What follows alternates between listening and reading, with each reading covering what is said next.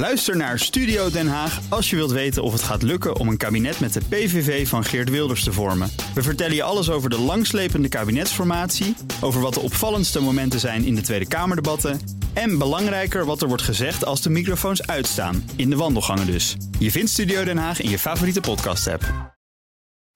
De column van Bernard Hammelburg. Dat Russen de aanslag op oud-dubbelspion Sergei Skripal en zijn dochter Julia hebben gepleegd, leidt geen twijfel. En wellicht ook op zijn vrouw en zoon die eerder overleden. De vraag is alleen welke Russen, agenten van de regering Poetin of freelancers. Dat laatste is belangrijk vanwege het motief. Volgens de Independent was Skripal niet meer actief voor de Britse geheime dienst MI6, maar probeerde te klussen voor een privaat bedrijf dat wordt gerund door voormalige spionnen. Poetin zal blijven volhouden dat hij met de hele zaak niets te maken heeft, al steekt hij niet onder stoelen of banken dat hij vindt dat spionnen de dood verdienen. Hij kan ook moeilijk ontkennen dat het zenuwgas Novichok uit het Russische wapenarsenaal komt. Dat koop je niet even bij een Engelse drogist op de hoek.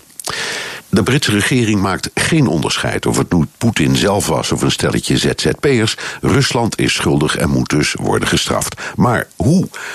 Theresa May kan de Russische ambassadeur uitwijzen en nog wat Russische oligarchen en bedrijven op een zwarte lijst zetten.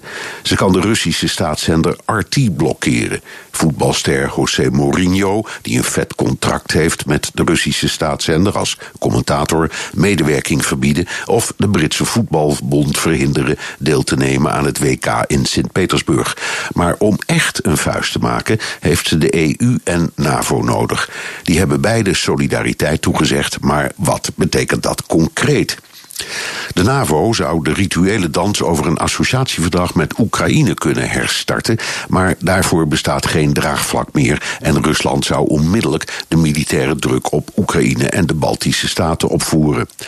Trump heeft net zijn minister van Buitenlandse Zaken Tillerson ontslagen, onder meer omdat die meteen partij koos voor mee en tegen Poetin mee kan proberen om Rusland af te snijden van het SWIFT-systeem voor internationaal bankverkeer. Maar daar voelen landen als Duitsland, Amerika en ook Nederland niets voor. Voor Nederland is Rusland nog altijd een grote handelspartner.